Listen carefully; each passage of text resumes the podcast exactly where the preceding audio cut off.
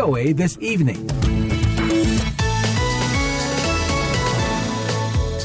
Halo, selamat malam dari ibu kota Amerika Washington DC. Inilah VOA This Evening untuk Rabu 6 April 2022. Saya Johannes akan menemani Anda sepanjang siaran kali ini. Ikuti berita terhangat dari redaksi VOA dalam siaran VOA This Evening kali ini. Di antaranya, Mantan Sekjen FPI dijatuhi hukuman 3 tahun penjara. Amerika Serikat umumkan 100 juta dolar bantuan militer untuk Ukraina. Presiden Peru akhiri jam malam di Lima sebelum waktunya. Berbagai laporan penting dan menarik sudah kami siapkan dalam siaran VOA This Evening hari ini. Di antaranya, polisi menetapkan mantan Bupati Langkat sebagai tersangka baru dalam kasus kerangkeng manusia yang telah menewaskan enam orang. Dia dijerat dengan pasal tindak pidana perdagangan orang atau TPPO hingga penganiayaan yang mengakibatkan adanya korban meninggal dunia. Dari info hiburan, Anda dapat menyimak sekilas info tentang aktor Bruce Willis yang memutuskan untuk pensiun dari dunia akting. Belum lama ini kita mendapat kabar bahwa aktor Bruce Willis memutuskan untuk mundur dari dunia akting setelah didiagnosis menderita afasia, penyakit yang mengganggu otak dan dapat menimbulkan kesulitan dalam berkomunikasi. Namun sebelum semuanya itu kita simak dahulu berita dunia bersama Utami Husin seorang mantan pengacara HAM Indonesia yang bergabung dengan sebuah kelompok garis keras Islam dijatuhi hukuman 3 tahun penjara Rabu 6 April atas tuduhan melakukan penghasutan dengan tujuan mendirikan kekhalifahan. Panel tiga hakim di Pengadilan Negeri Jakarta Timur memutuskan Munarman bersalah karena menyembunyikan informasi dari pihak berwenang tentang militan-militan yang menyatakan janji setia kepada kelompok ISIS pada Januari 2015 di Makassar, Sulawesi Selatan dan malah menyampaikan pidato yang menghasut orang-orang untuk melakukan aksi terorisme. Terdakwa tidak mendukung program pemerintah dalam pemberantasan terorisme, kata hakim ketua dalam putusannya. Munarman adalah Sekretaris Jenderal Front Pembela Islam FPI, kelompok yang dituding mendalangi pengrusakan tempat-tempat hiburan malam, melempari batu kedutaan besar negara-negara barat, dan menyerang kelompok-kelompok agama yang menjadi saingannya. Kelompok itu menginginkan hukum syariah Islam berlaku untuk 230 juta muslim di Indonesia. Pejabat nomor 2 Hong Kong dan penyokong setia tindakan keras yang didukung Beijing terhadap aktivis pro-demokrasi mengajukan pengunduran dirinya Rabu di tengah perkiraan bahwa ia akan segera mengumumkan niatnya untuk mencalonkan diri sebagai pejabat tertinggi di wilayah semi-otonom itu. Menurut sebuah pernyataan pemerintah, John Lee yang merupakan sekretaris kepala untuk urusan pemerintahan mengajukan pengunduran dirinya kepada pemimpin Hong Kong Carrie Lam. Dalam kesehariannya, Lee dianggap sebagai wakil Lam. Lam mengatakan Senin lalu bahwa ia tidak akan mengupayakan masa jabatan kedua sebagai kepala eksekutif setelah lima tahun yang sulit yang diselingi oleh pandemi COVID-19, tindakan keras terhadap kebebasan politik, dan pengaruh Beijing yang berkembang di wilayah tersebut. Media-media setempat, termasuk harian terkemuka South China Morning Post melaporkan bahwa dia akan menjadi satu-satunya kandidat yang didukung oleh pemerintah Tiongkok dalam persaingan kepemimpinan di Hong Kong. Amerika Serikat mengumumkan 100 juta dolar bantuan militer untuk Ukraina, sementara para menteri luar negeri NATO berkumpul di Brussels untuk pembicaraan dua hari mengenai konflik Ukraina. Dunia terkejut dan ngeri oleh kekejaman yang dilakukan pasukan Rusia di Bucha dan di berbagai penjuru Ukraina, kata Menteri Luar Negeri Amerika Anthony Blinken dalam pernyataan selasa larut malam, sewaktu mengumumkan otorisasi bagi bantuan tersebut. Pasukan Ukraina dengan berani terus membela negara dan kebebasan mereka, dan Amerika bersama-sama dengan sekutu-sekutu dan mitra-mitra kami berdiri teguh dalam mendukung kedaulatan dan integritas teritorial Ukraina.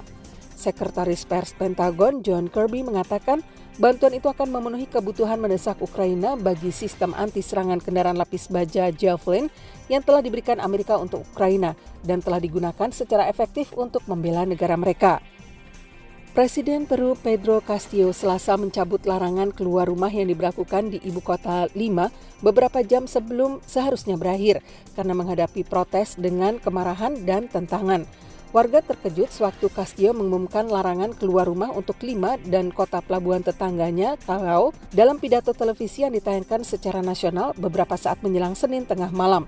Larangan itu yang berlaku mulai pukul 2 pagi Selasa dan dijadwalkan berakhir pukul 11.59 malam diperintahkan untuk memadamkan gelombang protes kekerasan yang kian besar di berbagai penjuru Peru karena membubungnya harga bahan bakar, makanan, dan pupuk. Jalan-jalan lima nyaris kosong sepanjang hari, sementara pasukan keamanan berpatroli di kota itu dengan toko-toko dan sekolah-sekolah ditutup dan transportasi umum dihentikan. Tetapi warga di beberapa permukiman membuka jendela dan memukul-mukul wajan dan panci untuk memprotes perintah itu. Dan ribuan warga akhirnya berkumpul di tengah kota Lima sebagai bentuk pembangkangan terhadap Castillo. Dua organisasi HAM terkemuka Rabu menuduh pasukan bersenjata dari wilayah Amhara, Ethiopia melakukan pembersihan etnis terhadap etnis Tigrayan dalam perang yang telah menewaskan ribuan warga sipil dan membuat lebih dari satu juta orang mengungsi.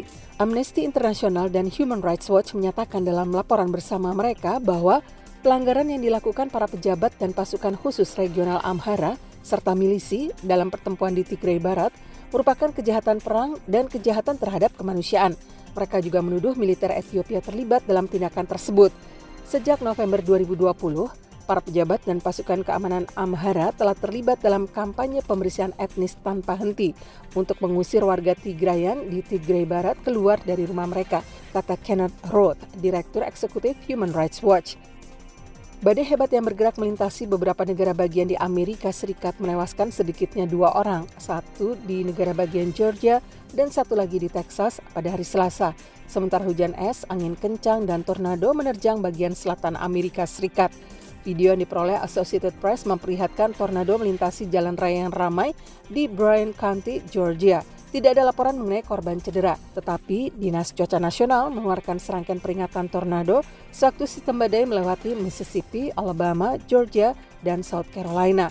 Lebih dari 50 ribu rumah dan bisnis mengalami pemadaman listrik hari Selasa sore, mulai dari bagian timur Texas hingga ke South Carolina.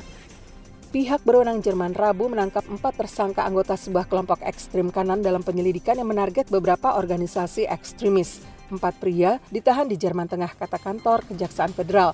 Kantor itu menyatakan keempatnya adalah anggota terkemuka kelompok olahraga tempur Knockout 51 yang sering melangsungkan latihan di markas lokal sebuah partai ekstrim kanan kecil di kota Eisenach dan bertujuan mengindoktrinasi para pemuda dan melatih mereka dalam perkelahian jalanan. Demikian berita dunia VOA Washington.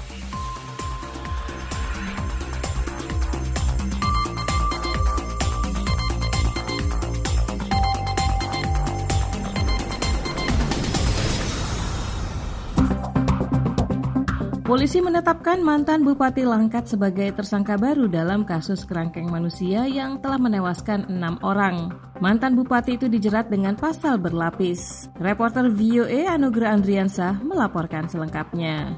Mantan Bupati Langkat terbit rencana perangin angin akhirnya ditetapkan sebagai tersangka dalam kasus kerangkeng manusia yang telah menewaskan sedikitnya enam orang. Kapolda Sumatera Utara, Irjen Pol RZ Pancaputra Simanjunta, mengatakan penetapan tersangka itu dilakukan usai polisi memeriksa terbit dan ditambah dengan temuan dari Komnas Hak Asasi Manusia atau Komnas HAM. Hari ini tim penyidik sudah melaksanakan gelar perkara dan menetapkan saudara TRP selaku orang atau pihak yang memiliki tempat dan bertanggung jawab terhadap tempat tersebut ditetapkan sebagai tersangka.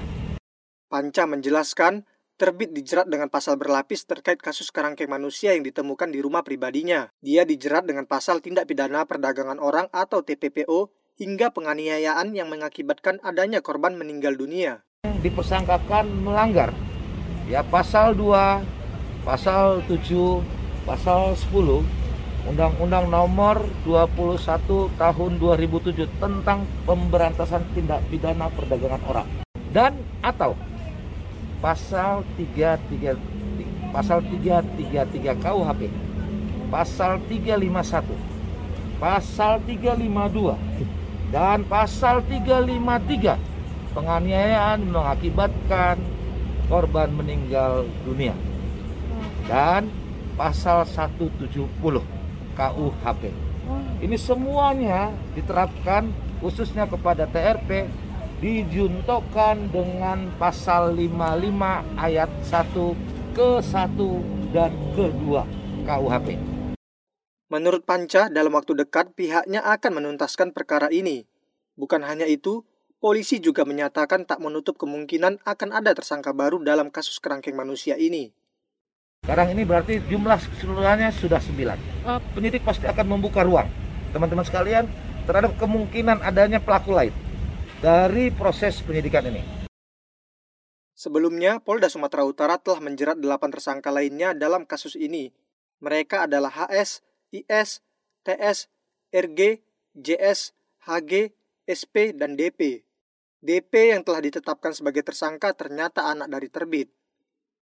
Anugrah Andriansyah melaporkan untuk VOA Washington. Keberadaan media konvensional semakin terdesak seiring munculnya gelombang platform digital yang lebih menarik perhatian. Negara harus hadir memberi ruang yang adil bagi keduanya.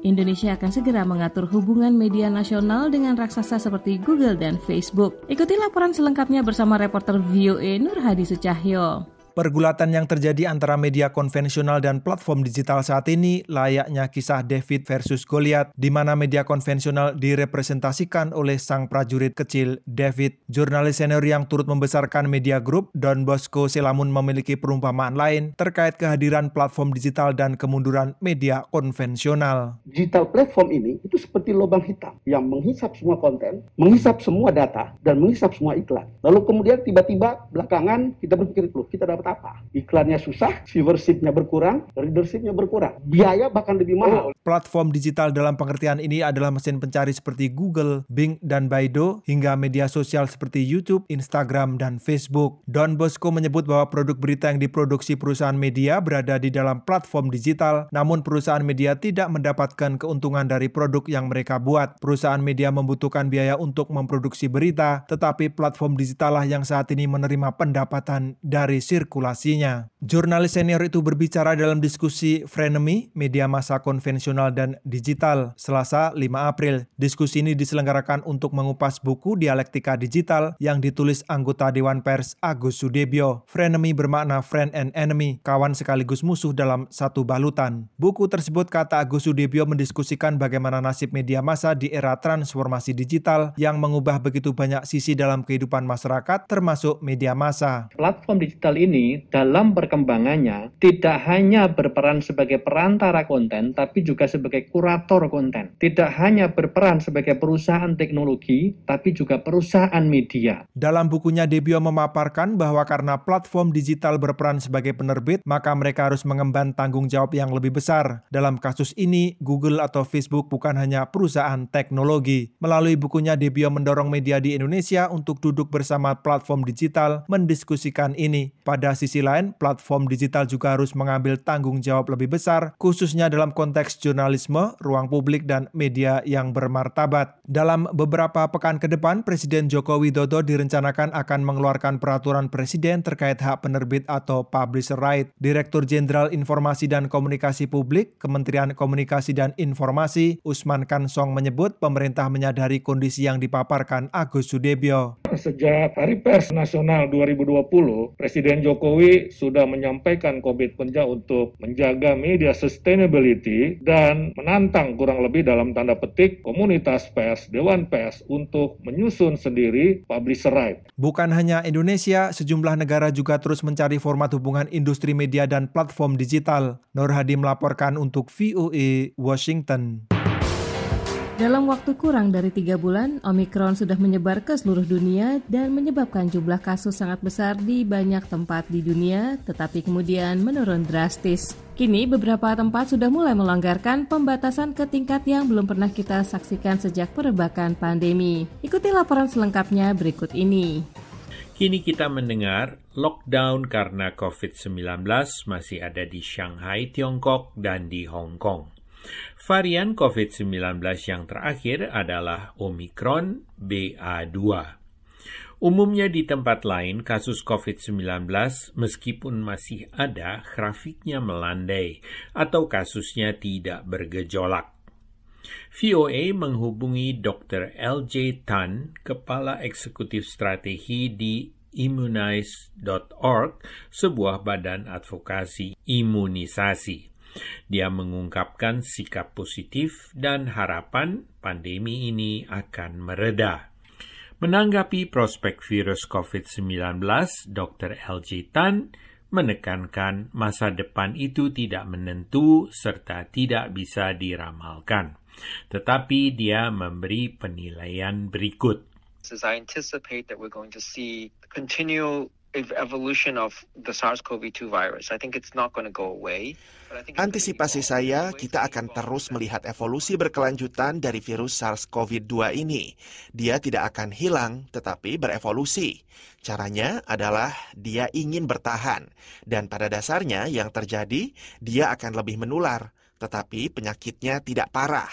Jadi seperti flu, dia akan tetap hadir dan menjadi endemi, serta orang akan diberi vaksin sebagai perlindungan. Dan apakah vaksin itu dibutuhkan setiap tahun atau dua tahun sekali, saat ini kita tidak tahu.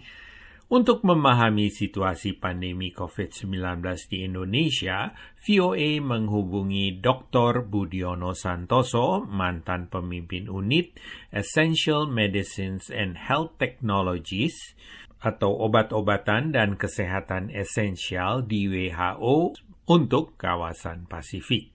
Dia juga mengungkapkan nada positif. Mirip dengan pendapat Dr. LJ Tan, Dr. Santoso mengantisipasi pandemi ini akan menjadi endemi dan kesehatan publik akan memperlakukan kebijakan yang mirip dengan influenza. Saya kira ke depan virus ini tidak akan musnah 100%. Akan menjadi seperti flu musiman di mana setiap tahun akan kembali lagi terjadi outbreak di beberapa lokalitas yang menjadi endemis. Namun demikian saya kira kita sudah punya amunisinya, vaksin sudah ada, protokol kesehatan ada, kesiapan sistem pelayanan kesehatan saya kira akan lebih baik. Namun Dr. Santoso mengingatkan pasca pandemi ini layanan kesehatan publik Indonesia harus melakukan penilaian kembali. Dr. Santoso secara spesifik mencontohkan programnya tuberkulosis, HIV AIDS, malaria, stunting, kesehatan ibu dan anak, serta berbagai penyakit tidak menular. Dia menyebutnya sebagai reformasi pelayanan kesehatan dasar.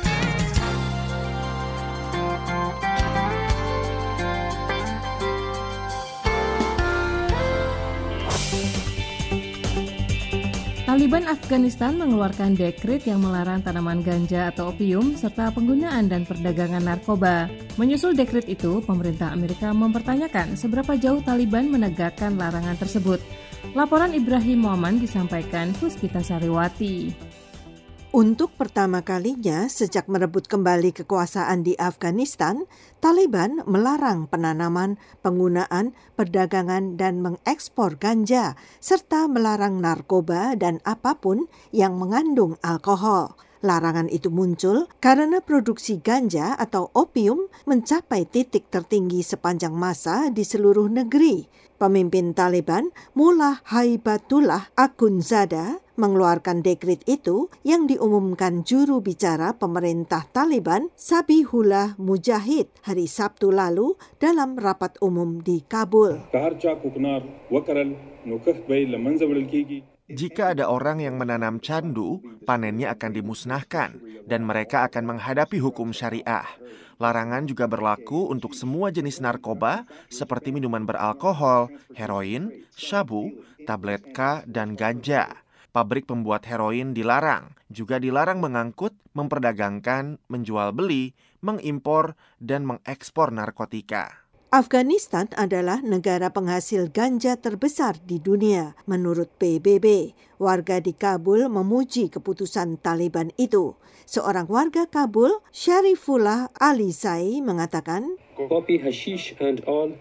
Candu, ganja, dan semua jenis narkotika harus dilarang.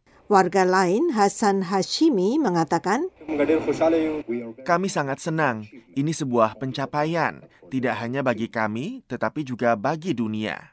Amerika memuji keputusan Taliban itu, namun memperingatkan bahwa memberlakukan larangan itu akan sangat penting. Kuasa usaha AS untuk Afghanistan, Ian McCary, mengatakan, Larangan memproduksi narkotika di Afghanistan adalah langkah positif pertama, namun penegakan hukum menjadi kuncinya. Dengan memiliki sektor pertanian yang sehat dan sah, akan membantu ekonomi Afghanistan dan pada akhirnya rakyat Afghanistan. Budidaya opium merupakan sumber penghasilan utama untuk mendanai kelompok itu selama 20 tahun perang melawan pasukan NATO dan mendanai pemerintahan Afghanistan sebelumnya. Menurut laporan PBB, dari Juni tahun lalu, produksi dan perdagangan ganja adalah salah satu sumber pendapatan paling banyak bagi Taliban. Puspita Sariwati, VOA, Washington. Komunitas Muslim Indonesia di wilayah Ibu Kota Amerika Serikat menggelar iftar bersama pertama sejak pandemi COVID-19 melanda. Mereka bersemangat karena kini bisa menjalankan ibadah puasa Ramadan seperti biasa tanpa protokol kesehatan yang ketat. Tim VOA mengajak Anda mengikuti salat taraweh serta iftar pertama di Masjid Imam Center di Silver Spring, negara bagian Maryland. Inilah suasana iftar pertama yang berlangsung Sabtu malam di Masjid Imam Center di negara bagian Maryland. Masjid ini mengikuti penentuan hari pertama Ramadan sesuai perhitungan hisap yang tahun ini jatuh pada hari Sabtu 2 April. Banyaknya jumlah yang hadir membuat panitia sibuk memastikan semua kebagian takjil maupun hidangan berbuka.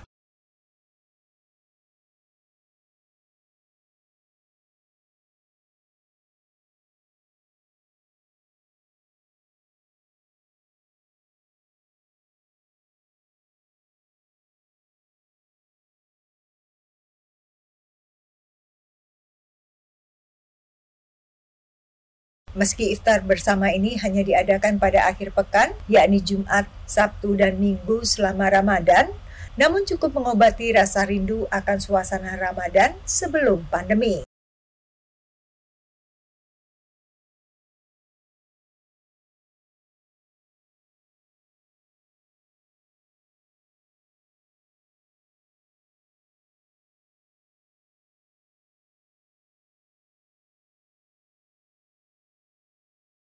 Sekaligus kesempatan bagi jamaah dari negara lain untuk mencicipi hidangan berbuka khas Indonesia.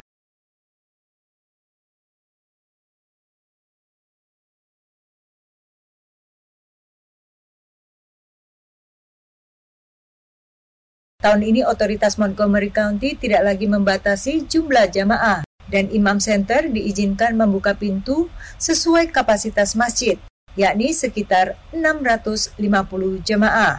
Tahun ini warga juga leluasa menjalankan ibadah Ramadan karena protokol kesehatannya pun sudah sangat longgar. Sedangkan untuk masker, seperti yang Anda lihat, para jemaah ada yang memakai masker, ada yang tidak.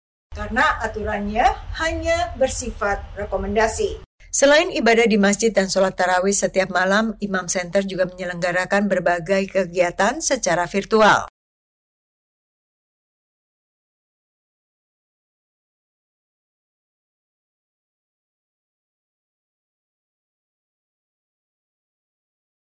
Tahun ini Imam Center mengundang imam asal Indonesia Ustadz Samsuri Firdaus untuk memimpin tarawih selama Ramadan. Ustadz asal NTB ini pernah memenangkan MTQ Internasional di Istanbul, Turki tahun 2019 lalu. Samsuri menyatakan bersyukur mendapat kesempatan untuk melihat dan merasakan kehidupan komunitas muslim Indonesia di Amerika Serikat.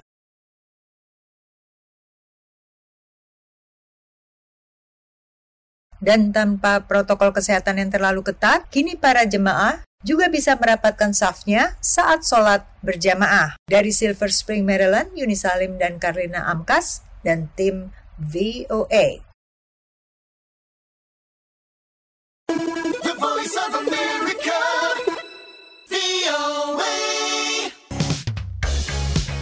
Mundurnya aktor Bruce Willis dari dunia akting tidak hanya mengagetkan para fans, namun juga sesama sineas dan aktor. Berikut selengkapnya.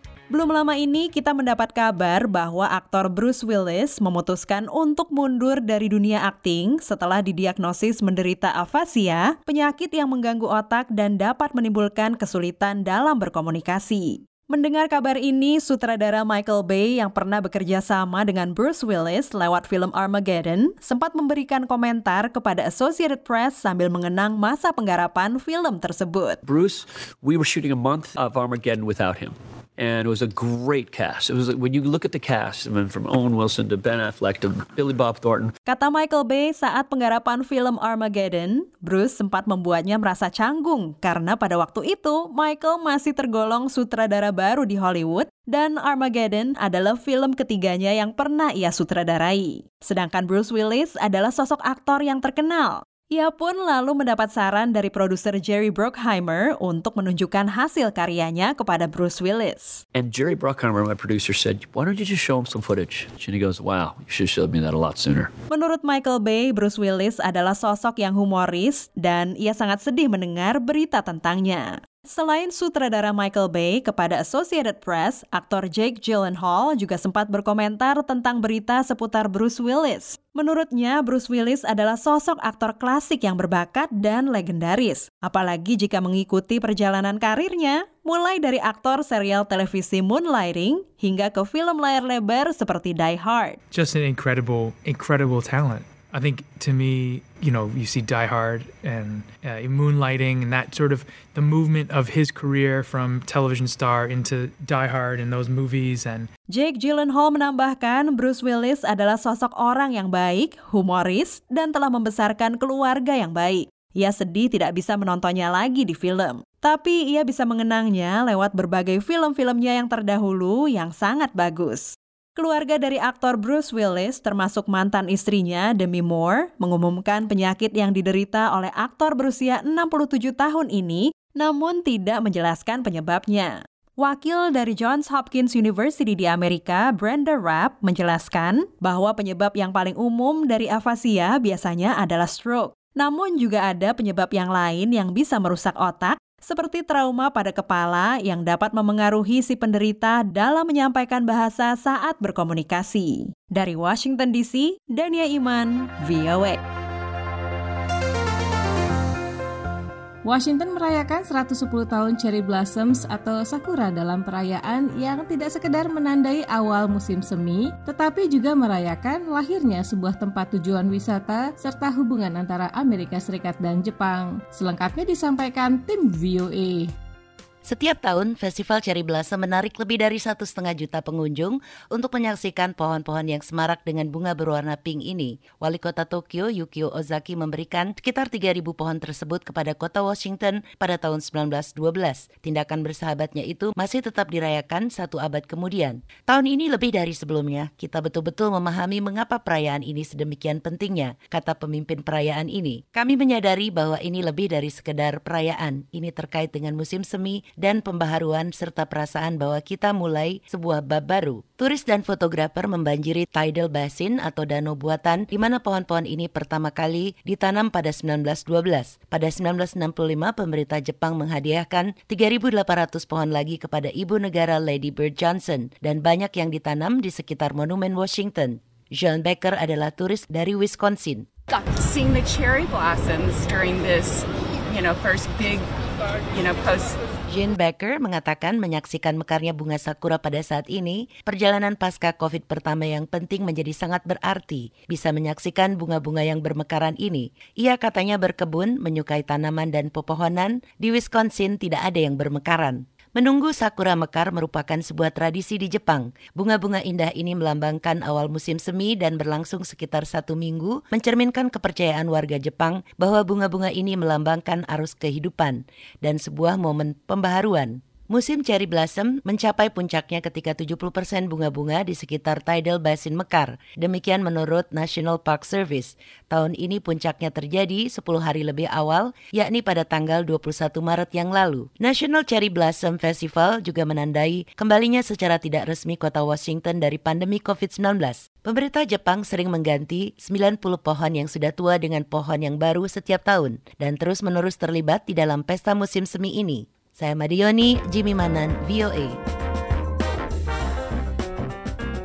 Saudara pendengar, kini kita berada di penghujung program siaran Vio Edisi Evening bersama Lea Johannes, Arif Budiman, dan Utami Husin. Jangan lewatkan Vio Edisi Evening setiap Senin sampai Jumat di jaringan radio afiliasi VOA di seluruh Indonesia. Terima kasih atas kesetiaan Anda dalam menyimak berbagai program kami. Selamat malam dan selamat beristirahat.